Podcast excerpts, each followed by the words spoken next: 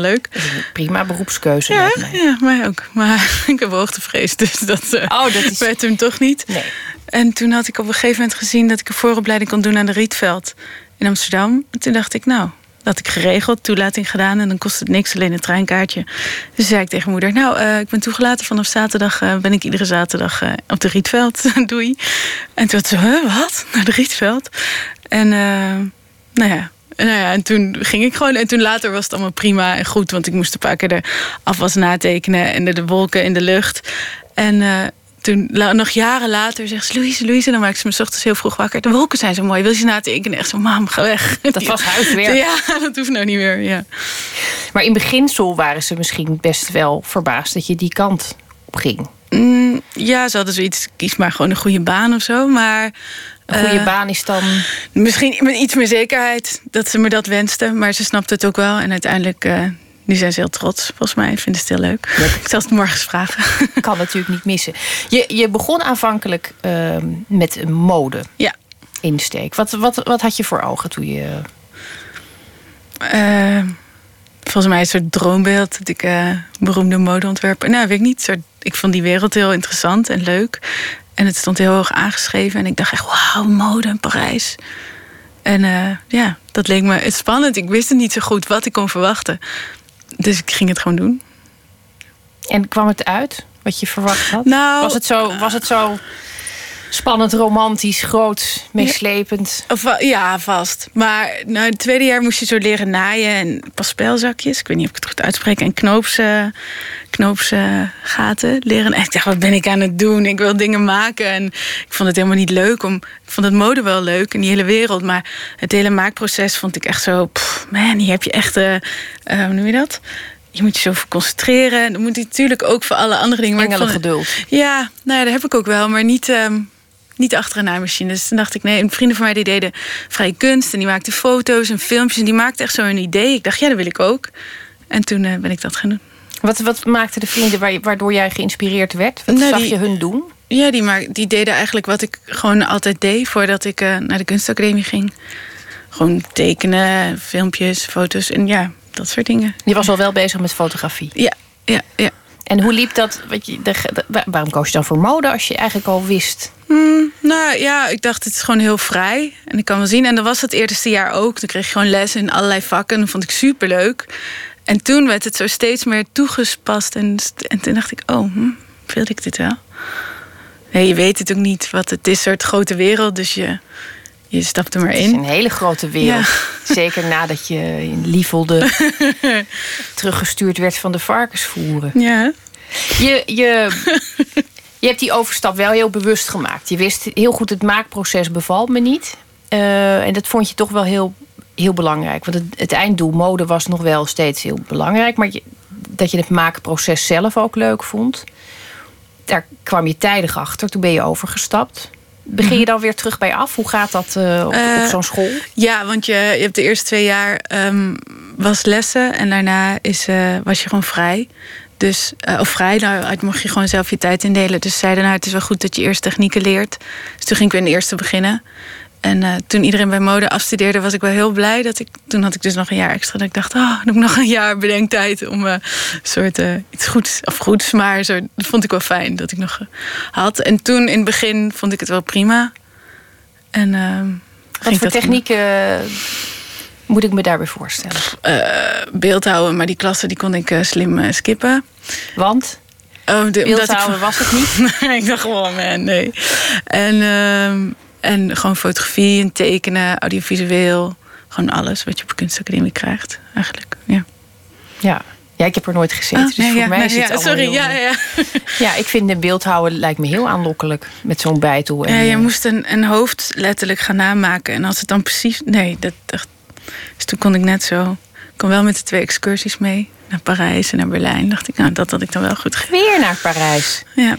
Ja, dit is een beetje een, eh, een, eh, een rode draad. Die ook, dat klopt ook wel.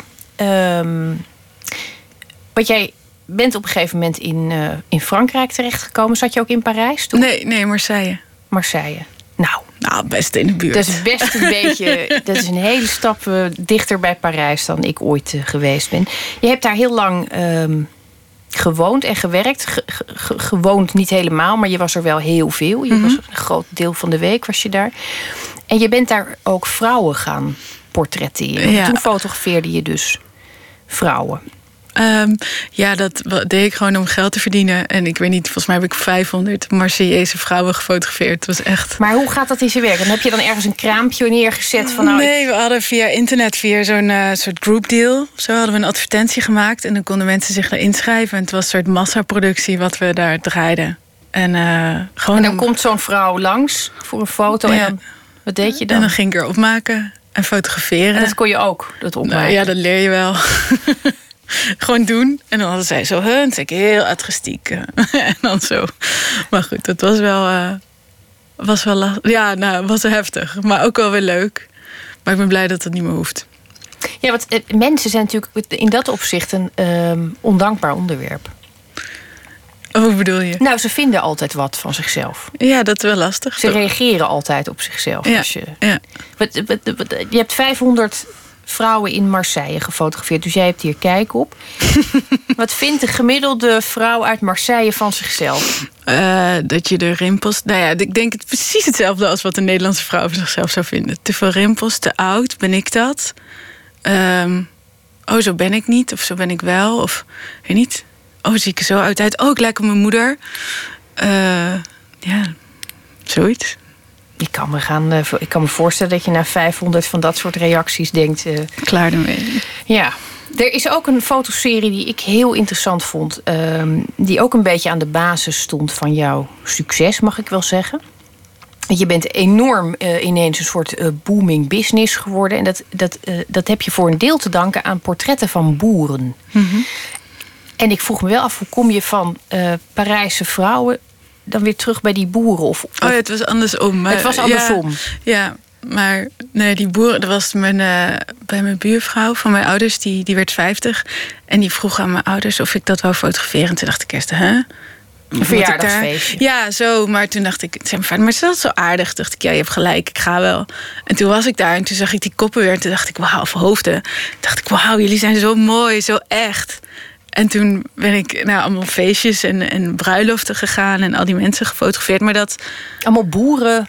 ja, ik moest het een naam geven, maar gewoon mensen daar uit de buurt eigenlijk.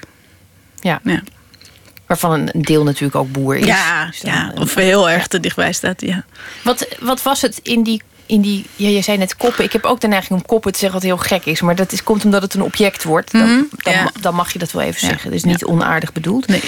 Wat zag jij in die koppen dat zo echt was? Waar, waar, waar zocht je dan naar als je, als je naar ze keek? Wat, wat, Mhm. wat vond je zo mooi? ja, een soort puurheid. Juist wel al die rimpels of al die dingen wat mensen niet mooi misschien aan zichzelf vinden. En dat, dat ik ze zo, zo uit mijn herinnering nog zo kende. Dat anders dan stadse mensen of meer soort doorleefd en eh, van het land. En ik ben ook wel eens zo zigeuners gaan proberen te fotograferen. En toen dacht ik, oh, daar heb ik minder binding mee of zo. En dan herkende ik iets van mezelf. En dat vond ik heel mooi. In de boeren herkende Ja, je iets ja, van jezelf. ja. Weet je ook wat? Nee, maar daar kom ik nog wel achter. Ik heb nog even... Ik ben nog, ja, ik ben nog jong zat. Ja. Eh, je komt terug uit eh, Frankrijk met een gebroken hart. Normale mensen, fatsoenlijke mensen zou ik bijna zeggen, gaan dan natuurlijk onbeschoft aan de drank. Bij jou gebeurde er iets anders. Ja, ik had een soort energieoverschot of zo. Ik dacht, ik moet hier iets mee. En toen eh, dacht ik, waar word ik nou weer vrolijk van? En toen dacht ik, ja, van vriendjes word ik altijd wel vrolijk. Dus ik ging zo voor mezelf terugdenken. Wanneer had ik geen vriendje? Wanneer was ik vrolijk? En dat was zo vroeger op mijn kamer dat ik dingen knutselde. En vaak knutselde ik onmogelijke dingen. Of, nou ja, een soort een, een jampotje en dan deed ik dan een touwtje in en een aapje eraan. En dan ging ik ermee naar mijn moeder en zei ik, mam, kijk, het aapje zweeft. Dus dacht ik, oh ja, toen was ik wel vrolijk. En toen moest ik nooit wat van jongens hebben. Dacht ik, oh, toen keek ik zo om me heen in mijn studio en het was nog steeds zo'n rommel. Dus toen dacht ik, oh, laat ik hier eens wat van gaan maken. Dus ik zette er gewoon een lamp op. En ik ging fotograferen en ik was zelf echt zo verbaasd door het resultaat. Ik dacht, oh, hey, dit is volgens mij wel wat.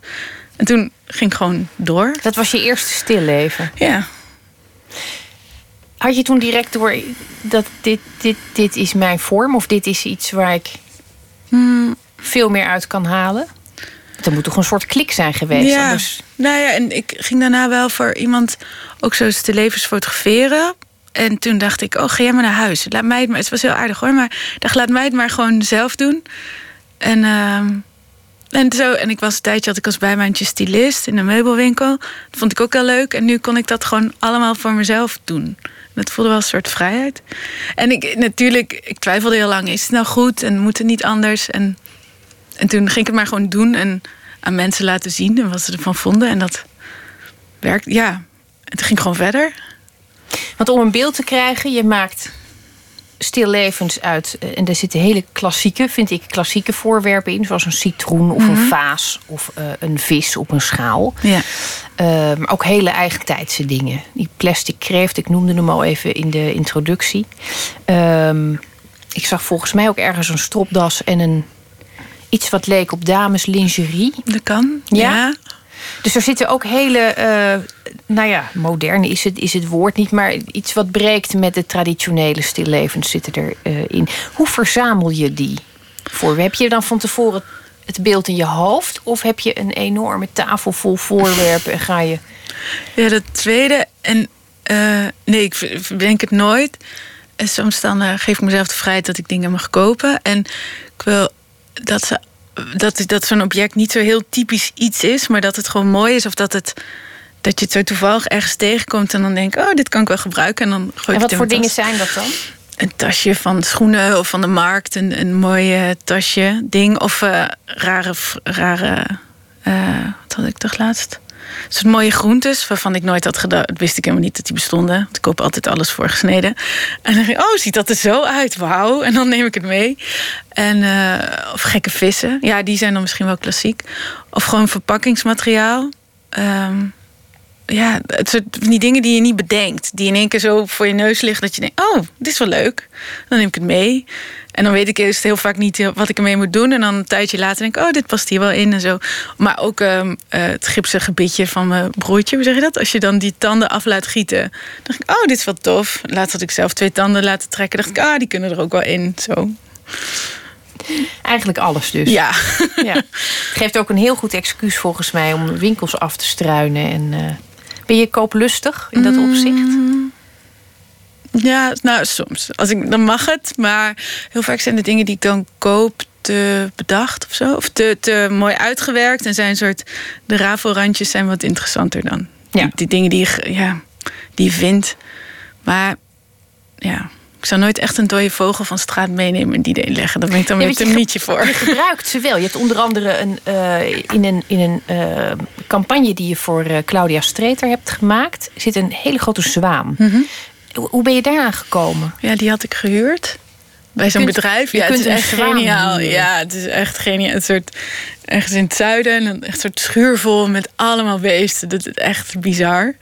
En, eh, maar die had geen mooie opstaande vleugels. En die had ik nog ergens van een andere winkel. Dus die heb ik er zo met ijzerdraad omheen zitten wikkelen. Waardoor die nu net lijkt alsof die vliegt. Maar toch ook weer niet. Dat ijzerdraadje daarna mooi weggewerkt. Ja. Ja, want laten we het daar even over hebben. Ehm, ik heb de tentoonstelling al mogen zien tijdens de opbouw. Eh, want ik was deze week in Museum Arnhem. En hij opent vandaag. Vannacht eigenlijk, Ja. nu Ja. eigenlijk. Als je daar naar die stillevens kijkt... en dat zei ik ook tegen jou toen ik, toen ik je daar sprak... is heel merkwaardig. Je komt binnen, je denkt in de eerste instantie... eh, dat je naar schilderijen gaat kijken. De, de sfeer van het schilderij is aanwezig. De, het, het licht, het Mhm, heeft iets ja. heel klassieks. Dan kom je dichterbij en dan zie je... dit is te glad en te strak om een schilderij te zijn. Maar Ja. een foto kan het ook niet zijn. ja. Daar begint de verwarring volgens mij al. Heel goed. Ja, nou, je ziet dat je erg content bent met deze Oh, nee, ja, nou ja. Ja, nee, dat is goed. Dat, ik, ik denk ook dat het goed is. Want dat, dat, ik vind het interessant als je direct op het verkeerde been eh, wordt gezet. Je gaat daardoor ook beter kijken. Ja. Is het iets waar je ehm, zelf ook heel graag tussen beweegt? Tussen het schilderij en de foto in? Ja. Ja. Want je zet die dingen neer, dan, dan druk je af, stel ik me voor. En dan begint het eigenlijk pas. Ja.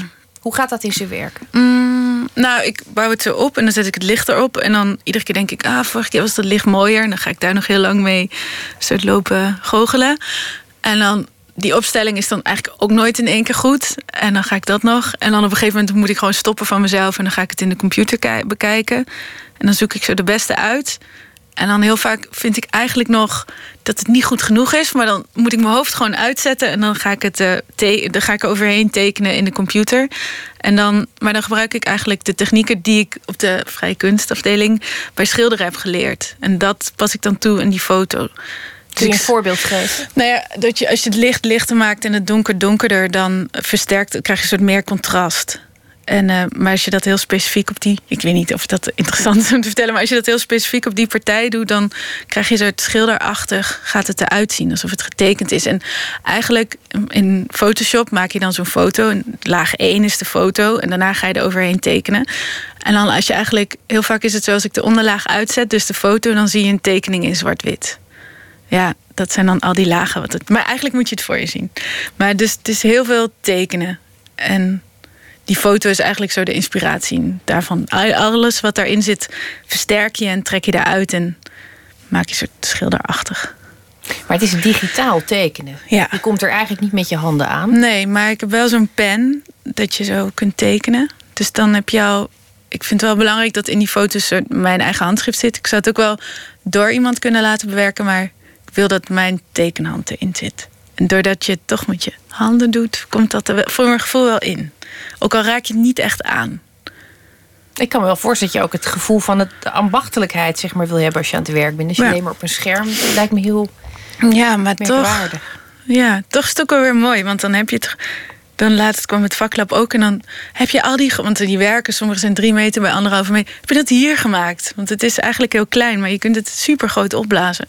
Dus dat vind ik wel een soort magie van die hele techniek. Dat dat kan. Dat je het niet per se ja, laatst was ik aan het tekenen en toen deed ik zo appeltje zet. Dat zo uh, uitwissen op mijn tekenveld. Toen dacht ik, oei, nou is het wel erg. Appeltje zet? Ja, dat zo als je in, uh, in, in Photoshop, als je daar iets verkeerd doet, dan doe je zo dat je of dat je, um, dat je terug wil draaien. Dat je terug wil draaien. En dat kan in de computer. Maar toen was ik echt aan het tekenen met een pen op papier. En toen deed ik zo met mijn hand zo die toetscombinatie. dacht ik, oei, nou zijn we wel heel ver weg. Maar goed, dat werkte niet. Nee, nee dat, uh, dat begrijp ik. Het is wel uh, het is symptomatisch, denk ik, voor hoeveel uur je er dan in hebt zitten. Ja. Want eh, als je nou, je neemt een foto, nou, daar, daar kom ik straks nog heel even op terug. Want in je tentoonstelling laat je ook zien wat er voor die foto gebeurt. Maar vanaf het moment dat je de foto hebt gekozen op je scherm, mhm. tot en met het eindresultaat dat, dat nu in Museum Arnhem hangt, hoeveel uren zitten daarin, moet ik me dan voorstellen? Nou. Want het is millimeterwerk. Ja, ja ik denk, ja. Ik denk twee weken en dan iedere dag. Het weekend niet, soms ook het weekend. Nou, wat is dat? 100 uur of zo? Nou, ik denk wel iets meer. Ja. Het is in ieder geval. Ja, ik hou het nooit bij. Monnikenarbeid. Ja, heb ja, je maar... vast nog wel eens terug verlangd naar die uh, tijd dat je gewoon knoopsgaten mocht uh, borduren? Nee. Zo. Nee? Nou, nee.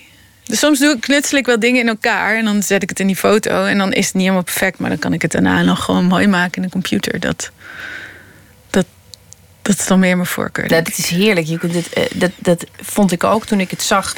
Het resultaat is bijna uh, onwerelds. Alsof het uit een andere werkelijkheid is gesneden. Het is zo strak en zo het klopt zo ontzettend dat het bijna niet door mensen lijkt gemaakt. Het is iets heel. Uh, ik vond het heel merkwaardig, vooral als je dichterbij komt. Hm.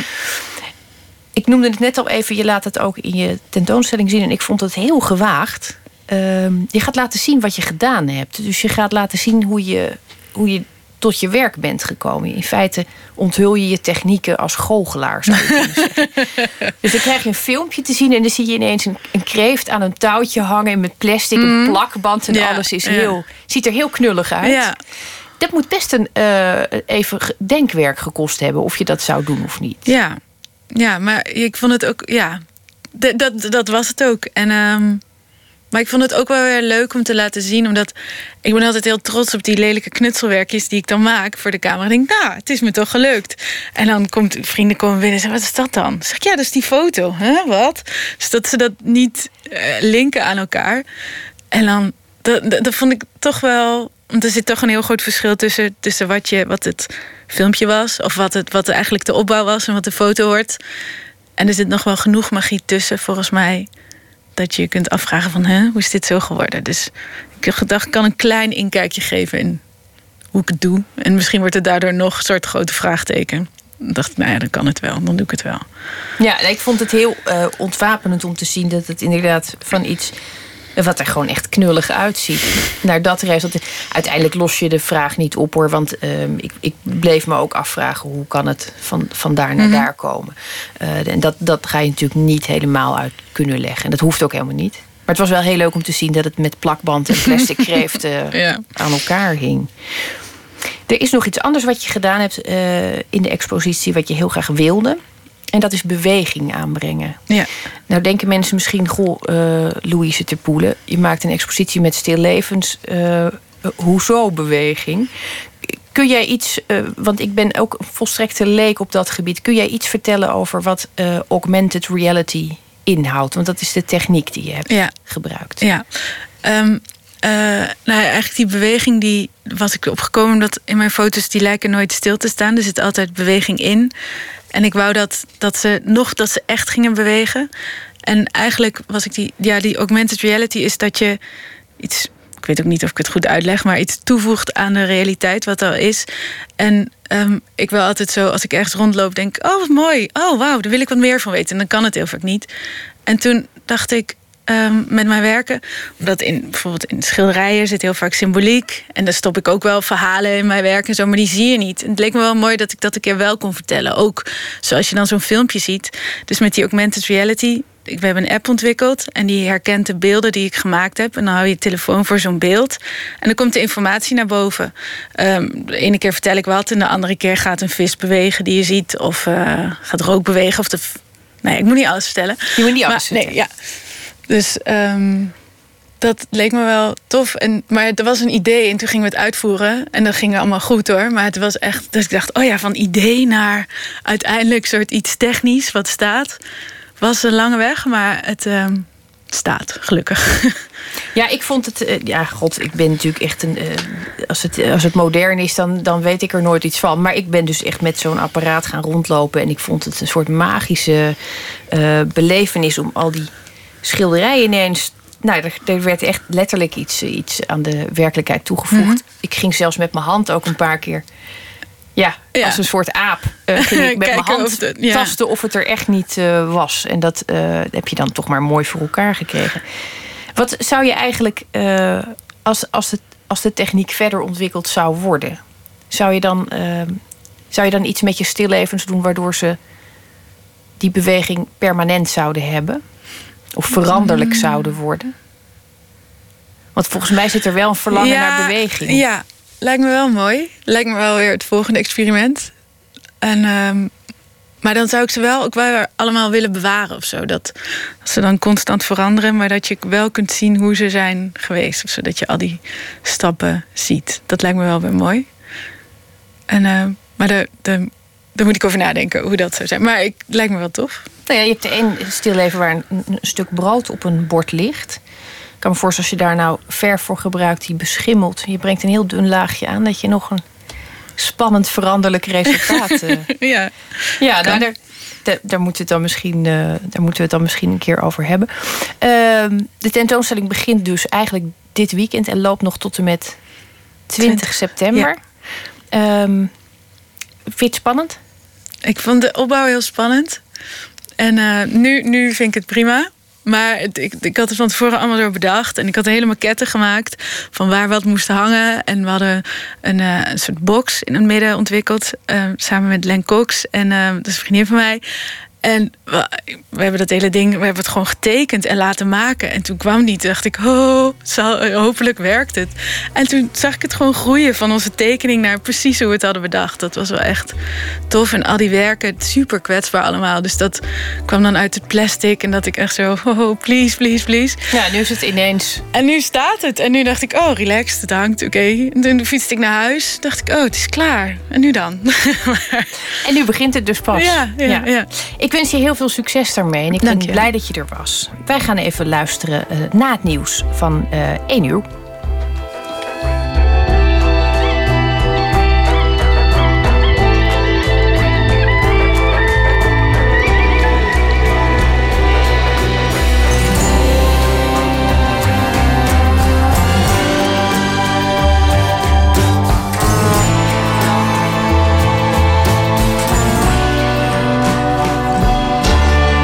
Radio 1. Het nieuws van alle kanten.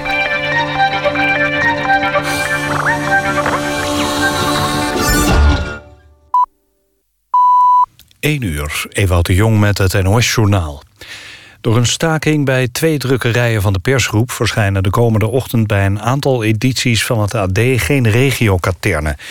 Werknemers legden het werk neer bij de drukkerijen in Den Haag en Apeldoorn. In Apeldoorn is het werk inmiddels hervat. In Den Haag worden de regiokaternen voor Rotterdam, Den Haag en Utrecht gedrukt. De werknemers van de persgroep voeren actie omdat er in de grafische sector al twee jaar geen CAO meer is. De drukkers willen een loonsverhoging van 2,5 procent en een eenmalige uitkering van 300 euro. De afgelopen maanden zijn er meer acties gevoerd. De ANWB adviseert mensen die vandaag richting Zuid-Frankrijk gaan... om pas na één uur smiddags te vertrekken. Het is Zwarte Zaterdag. De Fransen hebben vakantie gekregen... en gaan in grote getalen op pad, vooral naar de kust. Om de kans op filerijden te verkleinen... is het voor Nederlanders verstandig om later te vertrekken, denkt de ANWB. De meeste drukte wordt verwacht rond Lyon op de autoroute du Soleil... en ook de snelweg A10 van Parijs naar Bordeaux is berucht.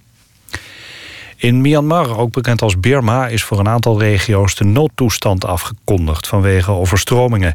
Grote delen van Myanmar kampen al dagen met zware regenval en ook de komende dagen wordt er veel regen verwacht. In het noorden en westen van het land zijn tienduizenden mensen gevlucht. Er zijn al 27 doden gevallen. President Thein Sein heeft maatregelen aangekondigd. In Nashville is country-zangeres Lynn Anderson overleden. Anderson werd vooral bekend met de hit I Never Promised You a Rose Garden uit 1970. Daarvoor kreeg ze een Grammy Award. Lynn Anderson scoorde in de VS 11 nummer 1 hits... en verkocht wereldwijd miljoenen platen.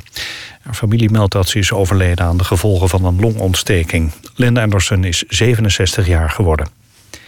Het weer, opklaringen, maar ook nog wat wolkenvelden. Het blijft droog met weinig wind en minima tussen 6 en 10 graden. Overdag droog en flink zonnig. Het wordt 20 graden aan zee tot 24 in het zuiden en zuidoosten. Dit was het NOS Journaal. NPO Radio 1. VPRO. Nooit meer slapen.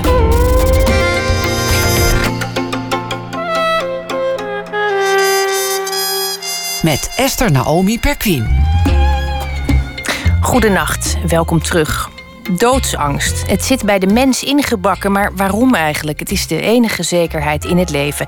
Uiteindelijk gaan we allemaal en het heeft geen enkele zin je daar druk om te maken. Radiomaker Martin Minkema wil van zijn eigen doodsangst af. Zocht naar verlossing en maakte daar een documentaire over. Die hoort u straks. We beginnen met proza dat reageert op het nieuws van vandaag. En deze week doen we dat met Rob van Essen. Schrijver, vertaler en recensent Anglo-Saxische literatuur voor NRC Handelsblad. Hij debuteerde in 96 met de roman Reddend Zwemmen. En zijn meest recente boek, de verhalenbundel Hier wonen ook mensen, werd eerder dit jaar bekroond met de JMA Biesheuvelprijs. Rob, goedenacht. Goedenacht. Ik ben uh, benieuwd wat jij uh, vandaag uh, tot je hebt genomen. En hoeveel daarvan vooral? hoeveel daarvan, ja. Ik heb vandaag tot me genomen, eigenlijk het, als een soort afsluiting van de week, het vervolgverhaal dat elk, waar elke dag eigenlijk weer een nieuwe aflevering van kwam. En dat was de Amerikaanse tandarts die de leeuw doodschoot. Ja, ik, dit is ook wel iets waar je weken mee kunt vullen. Ja. Ik ben heel blij dat jij dat deze week doet. ja. Um, ja, zijn er. ik, ik, zag vandaag een foto voorbij komen waarop op, zijn, uh, op, op, op, op de deur van de praktijk Rot in Hell stond. Ja. Dat zijn niet geringe teksten. Nee, en ik zag ook een aantal uh, demonstranten die een bord omhoog hielden met I am Cecil erop. Van uh, Je suis Cecil. Oh, oh. ja. Zijn we daar al, mensen? Ja, daar zijn we al. Oké. Okay. ja. Uh, Rob, ik wil heel graag horen, en, en met, met mij vele tandartsen, wat jij voor ons geschreven hebt. Een verhaal en dat heet De Laatste Patiënt. Tandarts van Woerkom legt het materiaal voor de volgende patiënt klaar op het kleine plateautje naast de spoelbak. De haakjes, het spiegeltje, alles netjes naast elkaar, kaarsrecht, altijd op dezelfde volgorde. Hij had het nooit iemand verteld, maar hij legde ze op alfabet. Toen alles goed lag, diepte hij zijn brillendoekje uit de zak van zijn witte jas en maakte zijn bril schoon. Eerst het linker, daarna het rechterglas. Toen de glazen gereinigd waren, zette hij zijn bril weer op en knikte tevreden. Hij was klaar voor de volgende patiënt. Net toen hij Marielle wilde waarschuwen dat hij zover was, kwam ze zelf al binnen, zonder kloppen, rood aangelopen en nerveus. Een leeuw, fluisterde ze, in de wachtkamer. Van Woerkom zoog zijn onderlip naar binnen en knikte. Het moest een keer gebeuren. Laat maar binnen, zei hij zacht. Marielle wilde protesteren, maar hij hief zijn hand op. Laat maar binnen, herhaalde hij, dit keer met enige stemverheffing. Het is goed zo. Bel de rest van de patiënten af en ga daarna naar huis. Marielle drukte zich met haar rug tegen de deur. De leeuw liep langzaam de behandelkamer binnen, schudde zijn manen en keek om zich heen. Van Woerkom had even de indruk dat het beest naar hem knikte, maar dat kon verbeelding zijn geweest. De leeuw sprong soepel in de stoel, draaide zich op zijn rug en wees met een voorpoot naar zijn linkerwang. De stoel zwaaide vervaarlijk heen en weer, maar bleef staan. De pijn zit links, vroeg Van Woerkom. Hij was zich ervan bewust dat zijn stem hoger klonk dan normaal. Ergens in de verte hoorde hij de voordeur dichtslaan, waarschijnlijk Marielle die zich uit de voeten maakte. De leeuw sperde zijn bek wijd open. Van Woerkom stelde de lamp af, pakte het grootste haakje dat hij had en stak zijn hoofd naar binnen. De geur was overweldigend. Rob van Essen, dank je wel. Graag gedaan. De geur was overweldigend en dan ehm, denk ik direct, het, dat, dat, dat moet daar toch ook ruiken naar een hele serie verorberde eh, dieren. Heb jij ooit een dier gedood? Uh, jawel. Ik, heb, eh, ik ben wel eens op een muis gaan staan. Expres? Nee, per ongeluk. Dat was toen in mijn vorige huis. Een paar huizen geleden. We hadden een muizenplaag in de keuken. Toen deed ik het licht aan en toen schoten muizen alle kanten op. En één schoot onder mijn voet, net toen hij neerkwam.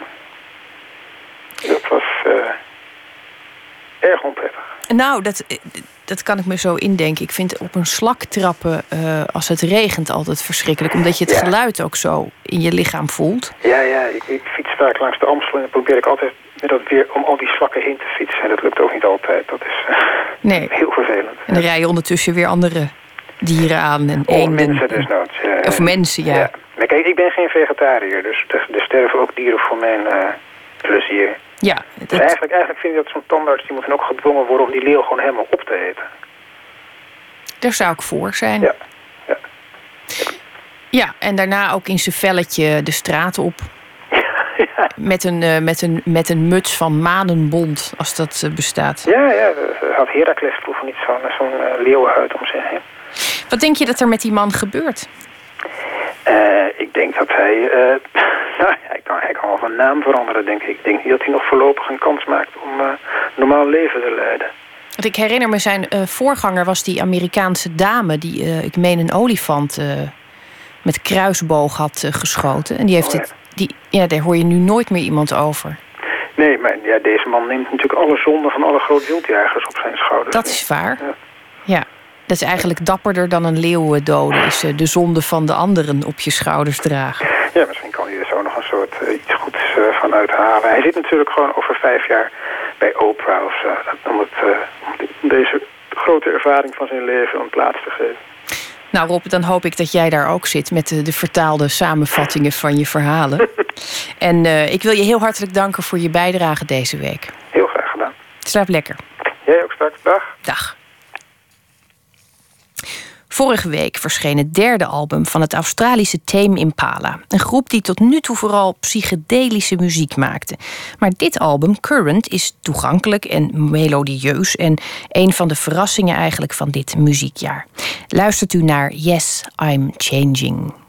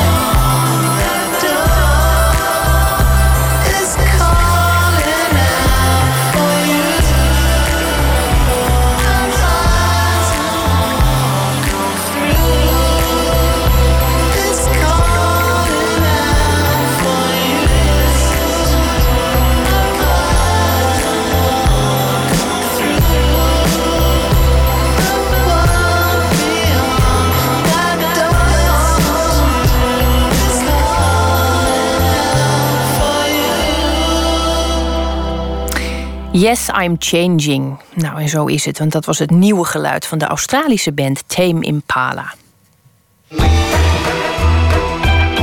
Nooit meer slapen. Radiomaker Martin Minkema overleefde een niet kloppende kankerdiagnose en een auto-ongeluk waarbij mede-inzittenden wel omkwamen.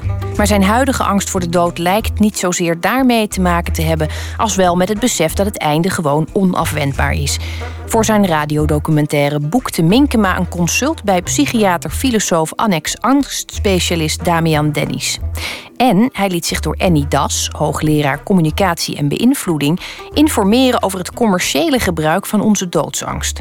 Luistert u naar de documentaire Doodsangst. We wonen met miljarden mensen op deze aarde. Het waren er nog nooit zoveel. Maar toch zijn we maar met 4, 5 procent van alle mensen die ooit hebben geleefd. De rest is al dood. Ik bedoel maar, wij zijn de uitzondering. En dat is mijn volgende gedachte. Zo erg kan die dood dus niet zijn. Dat zegt mijn verstand. Maar diep, diep binnenin ben ik bang. Ontzettend bang voor die dood. Dat gapende zwarte gat dat ons allemaal wacht. En dat biljoenen jaren diep zal zijn. Tot en voorbij het eind van de tijd. Maar goed, dat is mijn eigen piepkleine blik. Iedereen bouwt zijn eigen verdediging op tegen, tegen dat gat dat voor ze ligt. Zal ik dat nummer nu zingen? Of, uh, ja? Mijn buren in de straat bijvoorbeeld. Even kijken. Dit is Dennis, die onder andere ukulele speelt. En dol is op Georges Brassens. Ook al dood trouwens. Dit heet? Le Fossoyeur. Dat is de, de kraai. De, de lijkbidder. En iemand moet de mensen begraven. Uh, je suis een pauvre fossoyeur. Ik ben een arme, arme kraai. Ik denk niet dat het veel verdient ook. Dus, uh, maar iemand moet het doen. Iemand moet het wel doen, ja. ja, ja. En hij doet het. Dieu sait que je n'ai pas le fond méchant, que je ne souhaite jamais la mort des gens. Mais si l'on ne mourrait plus, je crèverais de faim sur mon talus. Suis un pauvre fossoyeur. Maar angst voor de dood heb ik in principe niet. En dit is mijn goede buur Floor. Ja, dat is ook gelul. Want iedereen kent die cliché van... Uh, als jij er bent, is de dood er niet. En als, en, en, en als de dood er is, ben jij er niet. Maar, de, maar, maar, het, maar, maar, het laat, maar het eerste is niet waar. Want als jij er bent, is de dood er wel. Want uh, je vrienden, je vriendinnen sterven en zelf sterf je ook langzamerhand, uh, wordt het steeds minder. Dus hij bestaat wel degelijk tijdens je leven. Maar goed, daar, daar moet je mee leren leven met die gedachten. oh, als ik dood zal, dood zal zijn. En dit is mijn vriend Cor, sinds 15 jaar weduwnaar, die ik soms opzoek. En nu ligt een bundel naast hem van de dichter Leopold. Kom dan en fluister, fluister iets liefs. Oh, als ik dood zal, dood zal zijn, kom dan en fluister, fluister iets liefs. Mijn bleke ogen zal ik opslaan en ik zal niet verwonderd zijn. En Mooi, ik zal, ja, en ik zal niet verwonderd zijn. In deze liefde zal de dood alleen een slapen, slapen gerust, een wachten op u, een wachten zijn. Mooi, hè? Ja. Dus, dus, dus, um, de dood is niet het einde. Niet het einde. Het, het is een wachten. En wachten. Ja. We wachten op u. We wachten op zijn. Ja. Till then, my darling, please wait for me. Till then, no matter when it will be one day, I know I'll be back again. Please wait till then. Kortom, kortom, iedereen lijkt er wat op gevonden te hebben op die doodsangst. Maar ikzelf nog niet. Als kind herinner ik me ook doodsangst. Maar tegelijkertijd vond ik het een belachelijk idee dat ik ooit dood zou gaan. Lachwekkend. En daarna heb ik er nauwelijks meer aan gedacht eigenlijk. Tot een jaar of zeven, acht geleden. Ik kreeg een heel zware auto-ongeluk. Overleefd. Ik kreeg een misdiagnose voor een ernstige, van een ernstige ziekte. Bleek gelukkig niet te kloppen. En ik werd vader, waardoor ik de tijd langs de meetlat kon leggen. En dat alles heeft ervoor gezorgd dat ik heel erg bewust werd van mijn sterfelijkheid. En toen is die angst hier in mijn buik gaan zitten.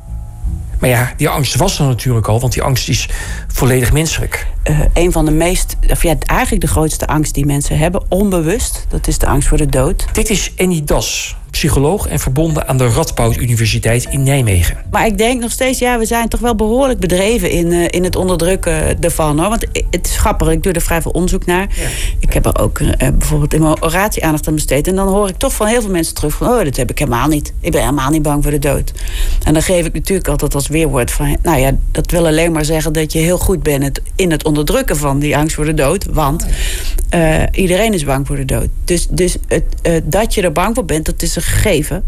Uh, alleen de ene persoon die kan, het, die kan die angst beter onderdrukken dan de andere. Ik heb, ik heb toevallig laatst, dat was heel grappig, dat was een persoon die zei tegen mij: Ik ben helemaal niet bang voor de dood. Ik ben wel bang om mijn geliefde pijn te doen. Toen zei ik, ja, dat betekent alleen maar dat jij de, de, band met je geliefde als buffer hebt tegen je doodsangst. Dus volgens de theorie, ik zeg ja.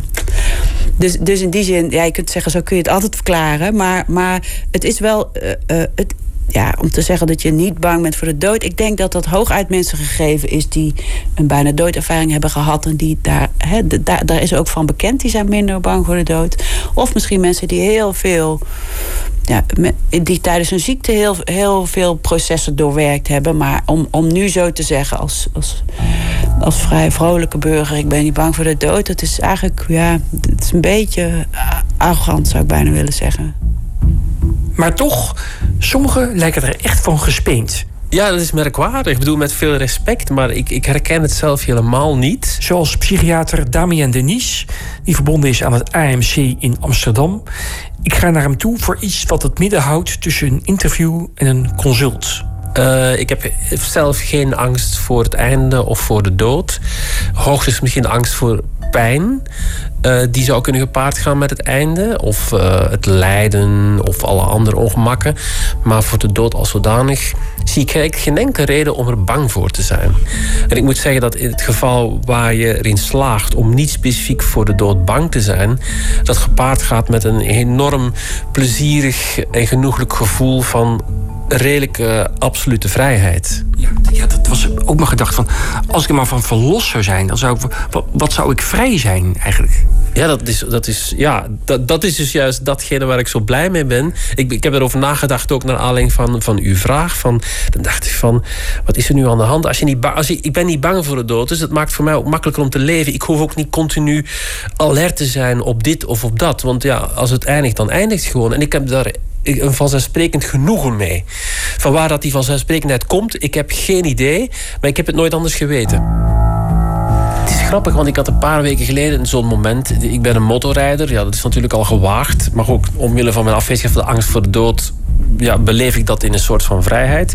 Ik was in, naar Amsterdam aan het rijden. Het was ochtends vroeg en het was aan het onweren. En dat is voor een motorrijder niet heel prettig, want je, kan, je bent kwetsbaarder dan in een auto. En ik zag toen ik, ik zag Amsterdam en ik zag loodrecht boven Amsterdam een bliksemnederdaal. Echt zo. En ik dacht van, oké, die bliksem, als die mij treft. Nou ja, dan ben ik er gewoon aan. En ik was aan het denken van, wat zou er dan gebeuren eigenlijk? Wie zou er blij mee zijn? Wie zou het vervelend vinden? En terwijl ik dat aan het denken was reed ik op mijn motor en moest ik uitwijken. En ik reed naar rechts op het andere rijvak. En ik merkte dat ik op drie centimeter na een auto miste die aan hoge snelheid langs mij reed. Die ik niet had gezien, is dat in mijn dode hoek. Dus heel raar, daar zou al bijna religieus, religieus van worden. Dat je dus op het moment dat je nadenkt over je eigen dood, het zelf gaat bewerkstelligen. Maar ook op dat moment kon ik mij niet betrappen op een gevoel van vreselijk. Ik had er niet meer kunnen zijn. Ik bedoel, ik, dit, ja, ook dan overvalt mij die angst blijkbaar toch niet op een of andere manier. De, die doodsangst heb ik voor het eerst ervaren toen ik, uh, toen ik jaar of tien was. Tijdens het schoolzwemmen. Ik was aan het zwemmen. En opeens werd ik overvallen door paniek. En ik moest in het water blijven van de, van de badmeester. Die duwde me zo met die haak zo van de kant zo dat bad in. En toen ben ik, raakte ik in paniek. En toen voelde ik niets meer opeens in mijn lijf. Dus het was net alsof ik met mijn vingers door mijn eigen hand kon drukken. Ja. Ik kan nog steeds oproepen dat gevoel als ik eraan denk. Alleen raak ik niet meer van in paniek. Maar ik kon nog steeds. Het was zo sterk. En ik loste dus op, zeg maar. ik zwem nog wel, maar leuk vind ik het niet meer. Het is ook, dus de, ik heb ook, voor mij hangt dat water en de dood ook samen. Ja, ja. Dat eh, hoor je vaak, hè, water en dood. Nou, het lijkt ook een soort van conditionering te zijn. Hè? Je hebt een angstmoment in dat water. En dat water krijgt een betekenis die het in principe niet heeft. Het kan een heel andere betekenis hebben. Dus je bent geconditioneerd om, wanneer je in contact komt met water, meteen aan dat moment te denken. En dat heeft zich als het ware ingeschreven.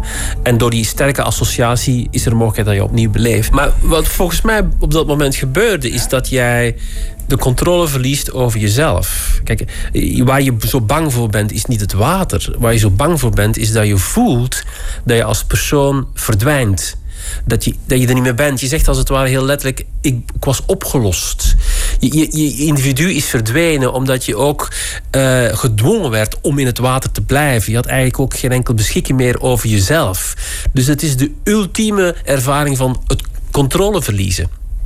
En je hebt blijkbaar wel behoefte aan die controle. Je wil graag beslissen wat er gebeurt. Jij wil bepalen wanneer je in het water blijft, wanneer je eruit kan. Op het moment dat dat niet meer mogelijk is, dan, komt die, dan komt die angst heel sterk naar boven. Maar je zou kunnen zeggen, stel dat je die controle niet nodig hebt. Stel denkt van, wat kan mij een bast schelen? Dit is een man met die stok die mij in het water houdt. Maar het is toch een groter expert dan ik ben. Als ik zou verdrinken, gaat hij me meteen redden. Klootzak, denk ik achteraf. Misschien een klootzak. Maar je zou kunnen zeggen, ik zou kunnen vertrouwen hebben in die man. Meer in hem dan in mijzelf. En dan kan dat het perspectief. Dan heb je die behoefte aan controle niet nodig. Je zou kunnen zeggen van... Ja, waarom moet ik hier mezelf zijn? Wie ben ik? Ik ben een kind. Ik ben hier aan het spartelen. Ik vind het verschrikkelijk. Maar ik vertrouw erop dat die man dat doet om mij iets te leren wat ik nu niet kan. Dus je, je ziet, diezelfde situatie kan je op verschillende manieren uitleggen en interpreteren. Het is heel lastig om van het een naar het ander te gaan. Maar het zou een ander moment kunnen geweest zijn met een andere betekenis in je leven. Goed, ik hang dus blijkbaar aan die controle, zoals een heleboel mensen. We willen die houden. En juist die drang tot controle, die maakt kwetsbaar. Daar kunnen anderen gebruik van maken. Bijvoorbeeld om ons te verleiden om iets te kopen. Enidas deed onderzoek naar het effect van het aanstippen van de dood in reclames we hebben het vrij grof geschut gebruikt door in de weer te gaan met grafzerken en uh, uh, doodhoofden en dergelijke. Maar hoe heb je zelf dat onderzoek gedaan? Wat, wat heb je dan gedaan? Ja, we hebben, dus we hebben mensen verschillende uh, advertenties laten zien. en daarin hebben we dus bijvoorbeeld ja, met leuke slogans zoals hoe lang wilt u nog wachten? En dan in combinatie met een grafzerk of een, een, een doodhoofd erop. En dat lijkt natuurlijk, intuïtief is dat heel onlogisch, omdat je denkt, nou, als je daarmee producten wil gaan verkopen, mensen schrikken, vinden het vervelend, willen daarvan weg. Dus willen mensen die producten dus niet hebben. Uh, maar we vonden dus in alle gevallen dat mensen veel meer geneigd waren om die producten uh, te willen gaan kopen. En we hebben het nu gevonden voor uh, kunstuitleen, krantenabonnementen, gezonde drankjes, ongezonde drankjes. Het werkte voor alle producten eigenlijk even goed. Ja. Um, wat is dat dan? Ja, waarom helpt dat nou? Het is, het is, het is eigenlijk heel, heel, heel gek. Uh, wij, zijn, uh, nou, wij zijn als mensen, tegenstelling tot dieren, uh, kunnen we reflecteren op ons bestaan. Dus we kunnen ook reflecteren op het feit dat we ooit doodgaan. Nou, dat vinden we zo'n onuitstaanbare gedachte, of eigenlijk zo'n angstaanjagende gedachte, dat we zo, het moment dat we daaraan herinnerd worden, dan, gaan die gedachten ondergronds. Of we proberen ze weg te drukken. En we denken nu dat mensen dan maar uh, ja, hun, hun houvast gezocht hebben in het eerste wat ze tegenkwamen. En dat is dan dat product. Dit onderzoek heb je nu gedaan. Uh, maar uh, in de reclamewereld hè, spelen ze hier al decennia mee hè, met deze. Met, met, met, met, dat, met dat inspelen op die angst. Met inspelen op angsten sowieso, ja. Kijk, ik heb een paar voorbeelden uit het ja. verleden, reclamevoorbeelden. Uh, het eerste voorbeeld wat ik wil laten zien, dat is uh, reclame uit begin jaren 80, meen ik. Goedenavond. Het is nu bijna 8 uur. Vanavond nog kunt u een hoop geld besparen op uw levensverzekering. Bel ORA. Nu nog. 085 nu 249. Nog. Nu nog kan. Dan krijgt u iemand aan de lijn die u vertelt wat uw verzekering voor de oude dag, de nabestaanden of de uitvaart bij ORA zou kosten. En dat scheelt. Bel vanavond nog. Het kan tot 12 uur. Tot 12 uur. Uiterst saai. Maar echt ook uh, alsof in de spreekkamer van de arts zit die zegt van nou, u heeft nog uh, even. En dan, uh... ja. ja. En dan viel me vooral ook het nu nog heel erg op. Ja, ja, inderdaad. Ja, Doe het nu. Nu het nog kan. En wat, en, het, ik denk dat dat het beste werkt in, in, in deze reclame. Doe het nu. Nu het nog kan, want Ja, u, u kunt zo dood. Als u dood bent, kan het niet meer. Ja. het woord dood niet is gevallen, hè? Nee, Het is, nee, eh, nee. Ja, ja, ja. Maar ik Ja. vind het nou hilarisch. Zou het nu nog kunnen? Nou, hoog, hooguit als gimmick. Als gimmick, ja. Ja. ja, ja, ja, ja. Ehm, ik ga even een andere. Zal ik even een andere? Wacht even, moment hoor. Ehm, Laatste stukje loop ik wel hoor. dit is een eh, reclame voor Hyundai-auto's. We zien een eh, filmpje met een dubbel einde. Is ook wel lekker De beetje. eerste versie, dan eh, zit een meisje achter in de auto. Zul je voorzichtig zijn? Vraagt de jongen. Ja hoor, eh, moet ik even brengen? Nee, ik stap zelf uit, eentje lopen. En ze stapt uit aan de verkeerde kant van de auto. Oké, tot snel. En daar staat de dood al op haar te wachten. Bam, ze wordt geschept. En dat zie je. Je ziet hoe ze geschept wordt. Gruwelijk. En dan vervolgens een herhaling. Ze zit achter in de auto. En die jongen zegt wel andere kant uitstappen hoor. De veilige kant. En dat meisje stapt aan de veilige kant uit. Wordt niet geschept. Maar de dood die daar met zijn zij staat te wachten aan de foute kant, die wordt geschept. One door on the left, two doors on the safe side. Aha. Ja, two doors on the safe side. Ja, ja, ja. Dus, ehm is ook een heftige reclame, hè? Ontzettend heftig. ik vind, dit, vind ik echt wel alles slaan. Wat ik tot nu toe gezien heb. Eh, Een beetje goedkope horror. Maar ik persoonlijk, ik hou er wel van. Maar je ziet gewoon hoe dat meisje eh, die, die, door die auto geschept is. Je ziet het gewoon. Het is afschuwelijk. Ze stapt uit en, en, en, en bam, en ze is eh, geschept. Dus die schrikt ook echt even. Ja. Ja.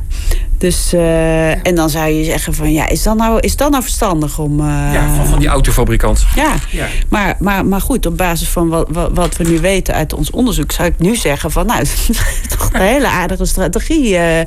Maar deze reclame die had bijvoorbeeld eh, niet eh 10, 20 jaar geleden gekund, volgens mij. Dit is echt iets van deze tijd.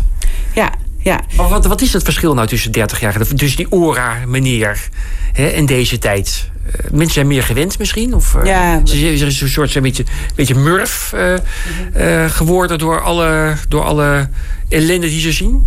TV? Ja, klopt. Ja, we, we raken gewend aan geweld. De- de- wa- wa- wat we vinden, de, de maatschappelijke norm over wat je wel en niet kunt maken, die is verschoven. Dus we raken steeds meer gewend aan, aan extremere dingen. Kijk, We zijn toch sowieso al bewust van onze eigen dood. Dus is, is het wel gezond? Worden we niet neurotisch hiervan?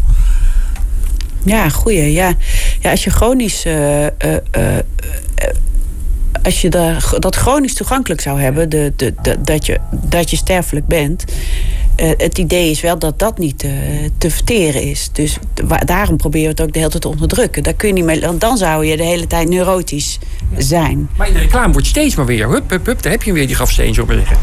Ja, we, worden, we drukken dat zoveel mogelijk weg, de, de dood op dit moment. Dus we zijn allemaal perfect en gelukkig en eh, succesvol. Maar tegelijkertijd weten we wel hoe we steeds Ja. beter hoe we die eh, onbewuste angsten kunnen gebruiken. Eh, om, om die maatschappij nog, nog perfecter te maken of om nog meer eh, dat materialisme te promoten. Ik noem maar even wat. Dus het is best bizar. Ja. Ik moet even wat afstand nemen. Ik ga op een eh, reisje. Dat is natuurlijk helemaal vergeefs, want de dood die draag je altijd met je mee. Ik zit in elk geval in een Hongaarse trein. Verderop wonen vrienden. Mijn radioleermeester Peter Flik met zijn vrouw Edith. En terwijl ik in die trein zit, ben ik aan het rekenen. Dat doe ik vaker. Dan reken ik terug. Denk ik iets dat 10 of 20 jaar geleden is. Hoe lang is dat voor mijn gevoel geleden? En als ik dat vooruit werp naar de toekomst, hoe lang is dan 10, 20 jaar naar de toekomst? En ik kom er eigenlijk stevast achter dat dingen die in het verleden gebeurd zijn, 10, 20 jaar geleden, dat die gisteren zijn. En dat betekent dus dat wat er over 10 of 20 jaar gebeurt, dat dat morgen is. Dat het zo snel gaat. Het was bijvoorbeeld 25 jaar geleden dat ik bij eh, de radio kwam. En toen was Peter ongeveer mijn leeftijd. Dus als ik aankom, vraag ik hem of de tijd als je ouder wordt nog sneller gaat dan het nu al gaat. Dit houdt nooit op. Het gaat steeds sneller, ook nog een keer. Peter en Edith wonen in een eh, heel klein dorpje tegen een natuurgebied aan. En daar verandert hier eigenlijk weinig. De ezels, de kippen, de wagentjes die elke dag wel het dorp aandoen... waar je lege spuitwaterflessen kunt inleveren tegen volle. De tijd lijkt hier stil te staan. Of het hier nou het jaar 2000 is, 2010 of 2015, het is eigenlijk nauwelijks uit te maken. En dat is heel prettig. Dan vertelt Peter mij over zijn eigen doodsangst, hoe hij die hanteerbaar maakte. Er moest wat gebeuren. Dit kon zo niet langer. Zelfs nu ik erover spreek, kost het moeite, dat hoort u vast wel. Maar er moest wat gebeuren. Ik was tegen de paniek aan als er iets of iemand doodging. Dat kostte me heel veel moeite, soms wekenlang. Om te beginnen praat ik er met vrienden over, maar dat is toch uiteindelijk onvoldoende. Er moest iets gebeuren, dus ik schafte goudvissen aan. Die gaan namelijk regelmatig dood. Ik denk, dan wende ik daaraan. Nee, dat werkte ook niet. Ze gingen wel dood, maar ik wende niet. Toen dacht ik, ik moet naar een psychiater, dat moet maar. Die paniek wil ik niet meer. Dat hoort niet bij me eigenlijk. Ik ging naar een boekhandel en kocht een boek over de verschillende psychiatrische methodes die er zo in omloop zijn. Ik wou niet in elektroshocks terechtkomen, geknepen worden, whatever. Ik wilde iets wat me aansprak. En ik vond iemand bij mij in de buurt, in de Betuwe. Ik woonde in Den Bosch. En ik belde hem op. Hij heette Just Bendien. Hij nam op. Ik zei dat ik zoek, zoek een psychiater, dat ik een boek had gelezen waar zijn methode in voorkwam. En of hij mij wilde helpen. Waarmee vroeg hij toen: Ik zeg, ik heb moeite met de dood. Daar moet ik even over denken, zei hij. Ik zeg, zal ik u morgen terugbellen? Hij zegt, u hoort niet wat ik zeg, ik moet er even over denken, dat doe ik nu. Er was zeker een minuut stil aan de telefoon. En na een minuut zei hij, je mag komen. Ik kwam, boerderij in de Betuwe, beesten, honden, van alles. En een buitengewoon vriendelijke man.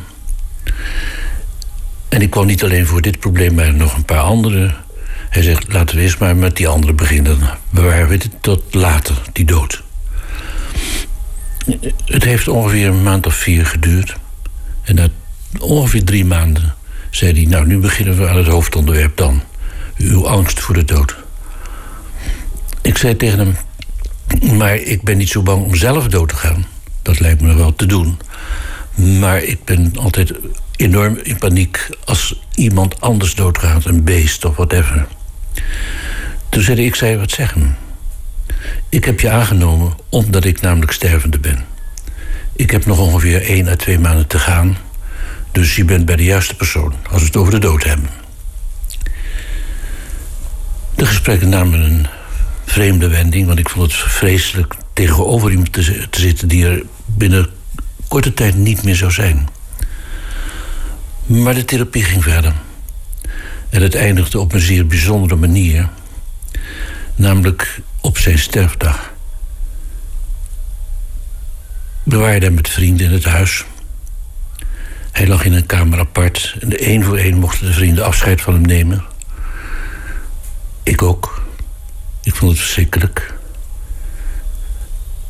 En toen weer terug naar die kamer waar die vrienden zaten te wachten. Cello-muziek. En als er iets is wat met de dood van doen heeft, vind ik cello-muziek. Dan ga je huilen. Iedereen. Toen was hij enkele uren later dood. En konden we hem nog één keer zien. Nu na zoveel jaar ben ik hem nog steeds dankbaar voor deze wel zeer merkwaardige en wel, wel directe methode. Ik blijf hem dankbaar, al vind ik nu nog steeds moeilijk om over te praten. De angst voor de dood is niet weg, maar ik kan ermee leven. En dat is toch de bedoeling. Ik neem de trein weer terug uit Hongarije naar Nederland. En ik moet denken aan Woody Allen, wiens alter ego in de film Hannah and Her Sisters uit 1986 een echte hypochonder is. This time I really think I have something. I mean, I'm absolutely convinced of it. Die heeft een piep in zijn oor en hij weet het zeker. Hij heeft een hersentumor.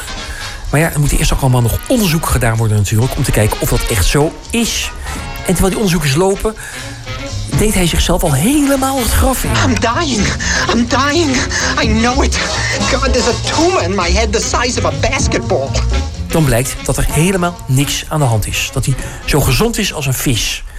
Ellen is eerst opgelucht, rent de kliniek uit.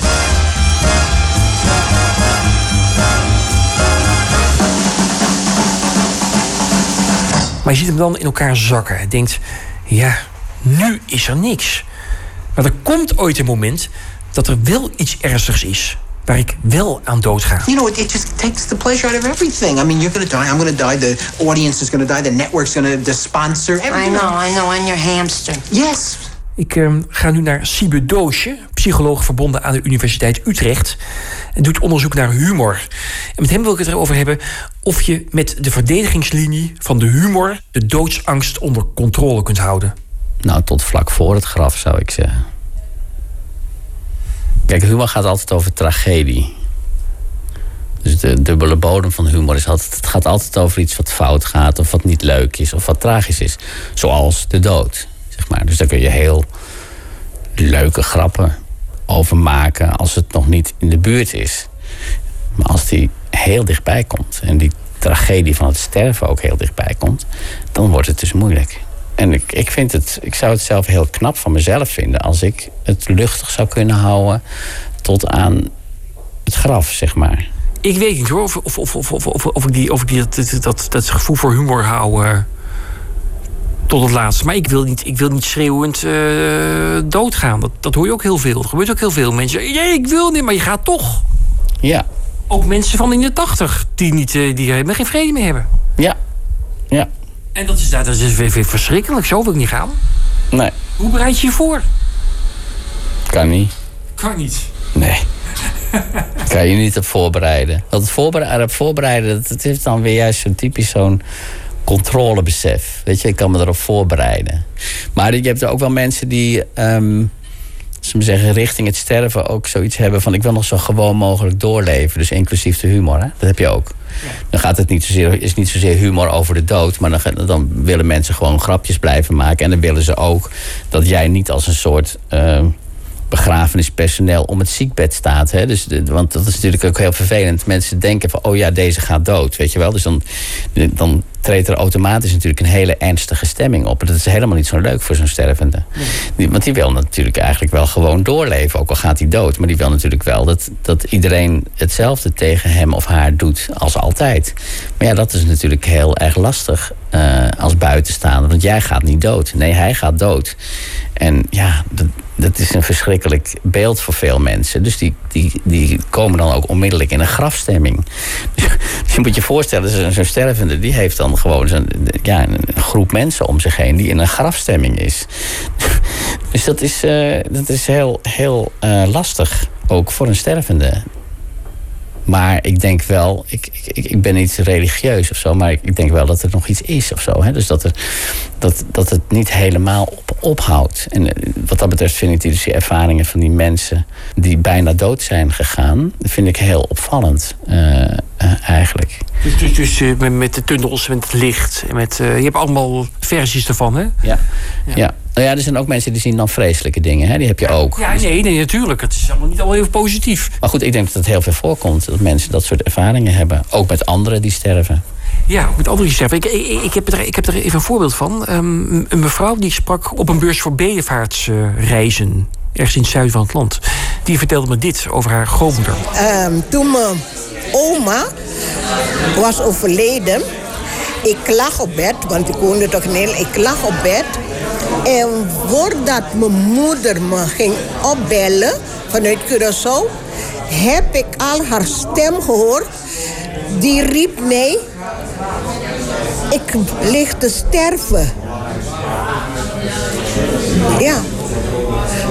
En toen mijn oma aan het sterven was, toen hoorde ik mijn naam. Want zij heeft me opgevoed.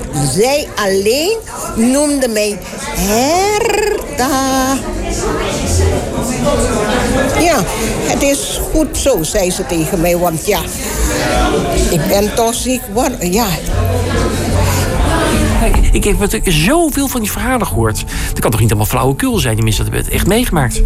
Nee, dus je gaat dan nadenken van zijn die mensen gestoord of zo? Of zijn ze, zijn ze allemaal gek? Dat lijkt me stug. Dus het lijken mij echt hele reële ervaringen. Ik denk het eigenlijk wel. wel. U heeft het ook meegemaakt? Ik heb zelf ook zoiets meegemaakt, ja. Maar we weten het natuurlijk niet. Nee, we, we, we weten niet hoe het afloopt. Nee, als je dood bent, dan ben je dood. Dus het leven is een beetje een grap zonder clue.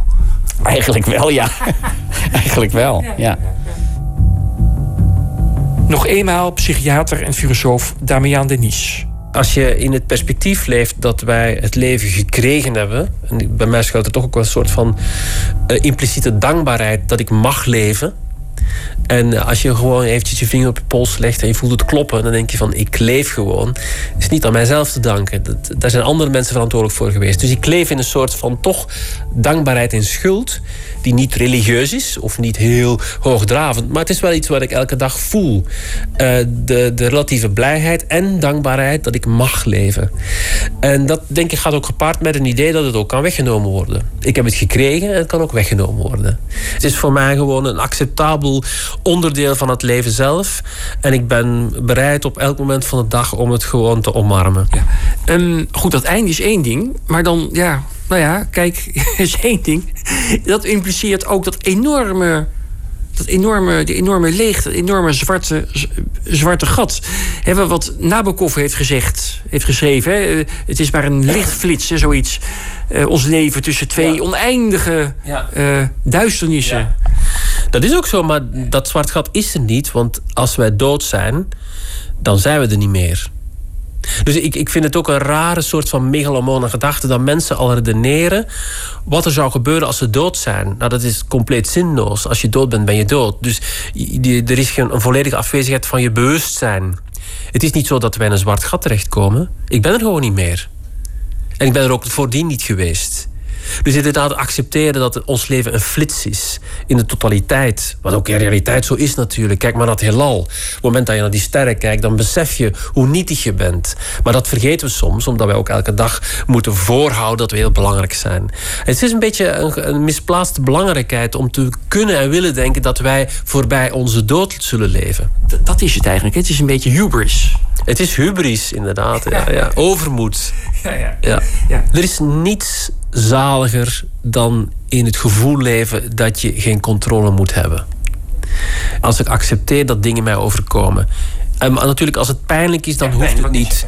En dat wil je niet, maar het gaat om gewoon op het moment van de dood. Wanneer die laatste zucht wordt uitgeblazen.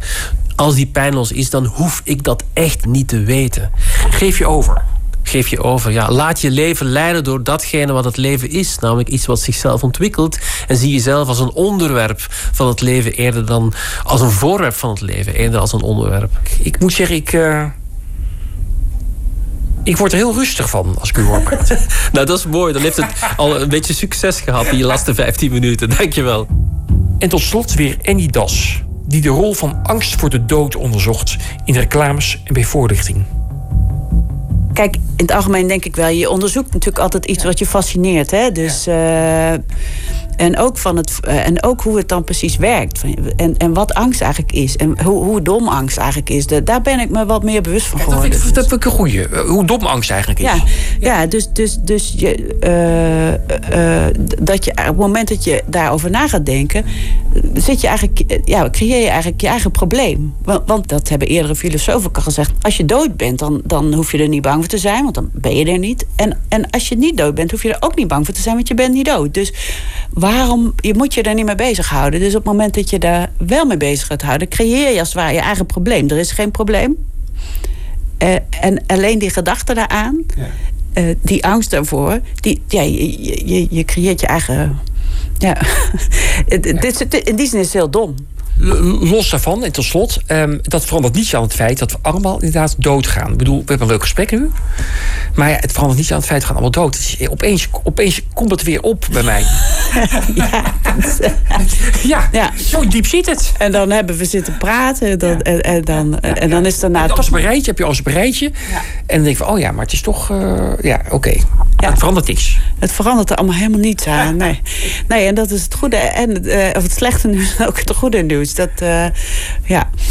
Dat, dat het, het, het, het- ja, die structuur die wij zelf nodig hebben. Ik ben zelf ook nogal een structuurfreak. Die denkt, is het nou zus of zo? Is het nou zus of zo? En dan denk je, ben je heel blij, zit allemaal op een rijtje. Maar, maar ja, dan daarna verandert het weer. En dan is het weer rommelig. En, eh, of je gaat dood. En dan, ja, dan is het ja, is dan allemaal voor niets geweest. Ja, ik weet het niet. Maar het, het maakt ook niet uit. Je bent dan toch dood. Ja, ja, ja. ja, ja inderdaad. Dat maakt het niet meer uit.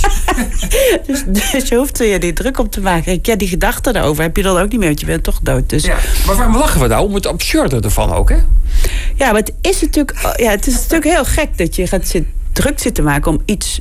eh, dat zijn vooral die, daar ben, dat merk ik wel steeds meer. Het zijn vooral je eigen gedachten. Dus wij hechten, wij hechten zoveel. Heel erg aan ons ik, eh, ons, Ja. ons eigen, ons bewustzijn. Dat, dat, Ja, dat- we hechten heel erg aan onze eigen ideeën. En, en daarin overschatten we het belang van onszelf. Zeg maar. Als je nou, ik denk ook wel eens, ik heb altijd een maat, dus blijkbaar toch een maatloze fascinatie voor het onderwerp gehad.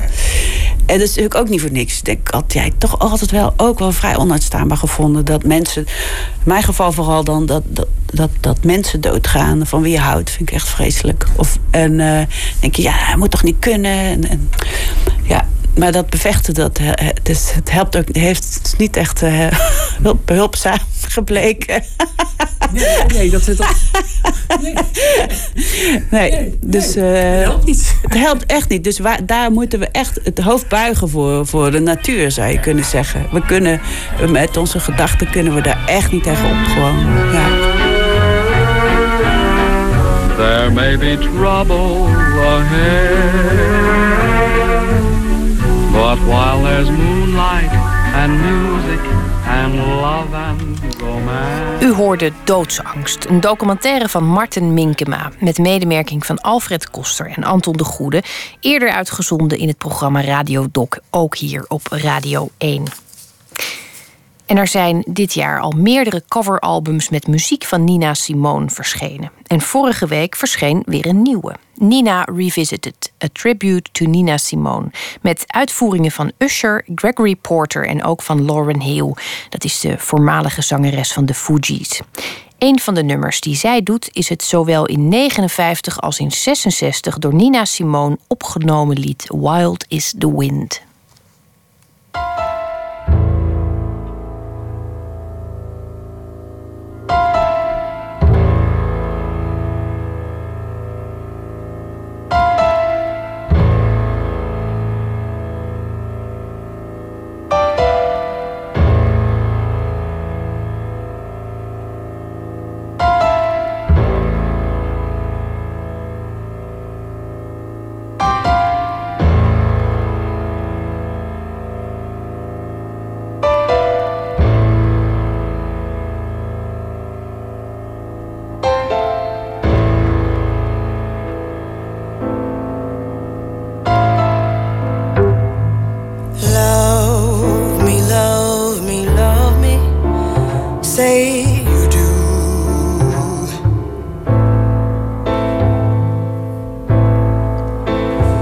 Me fly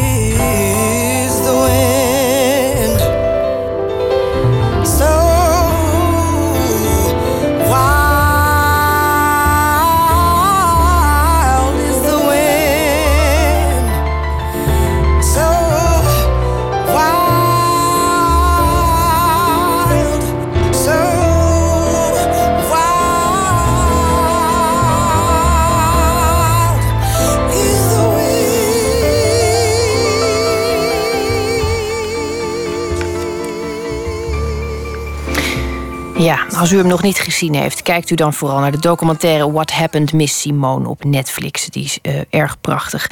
En u hoorde Lauren Hill hier met Wild is the Wind van de Nina Simone tribute plaat Nina Revisited. Anne Broeksma debuteerde vorig jaar met de bundel Regen Kosmos Kamerplant. En deze week leest ze elke dag een favoriet gedicht voor. Vandaag een gedicht van Koenraad Goudenzeunen, dat heet Klusser.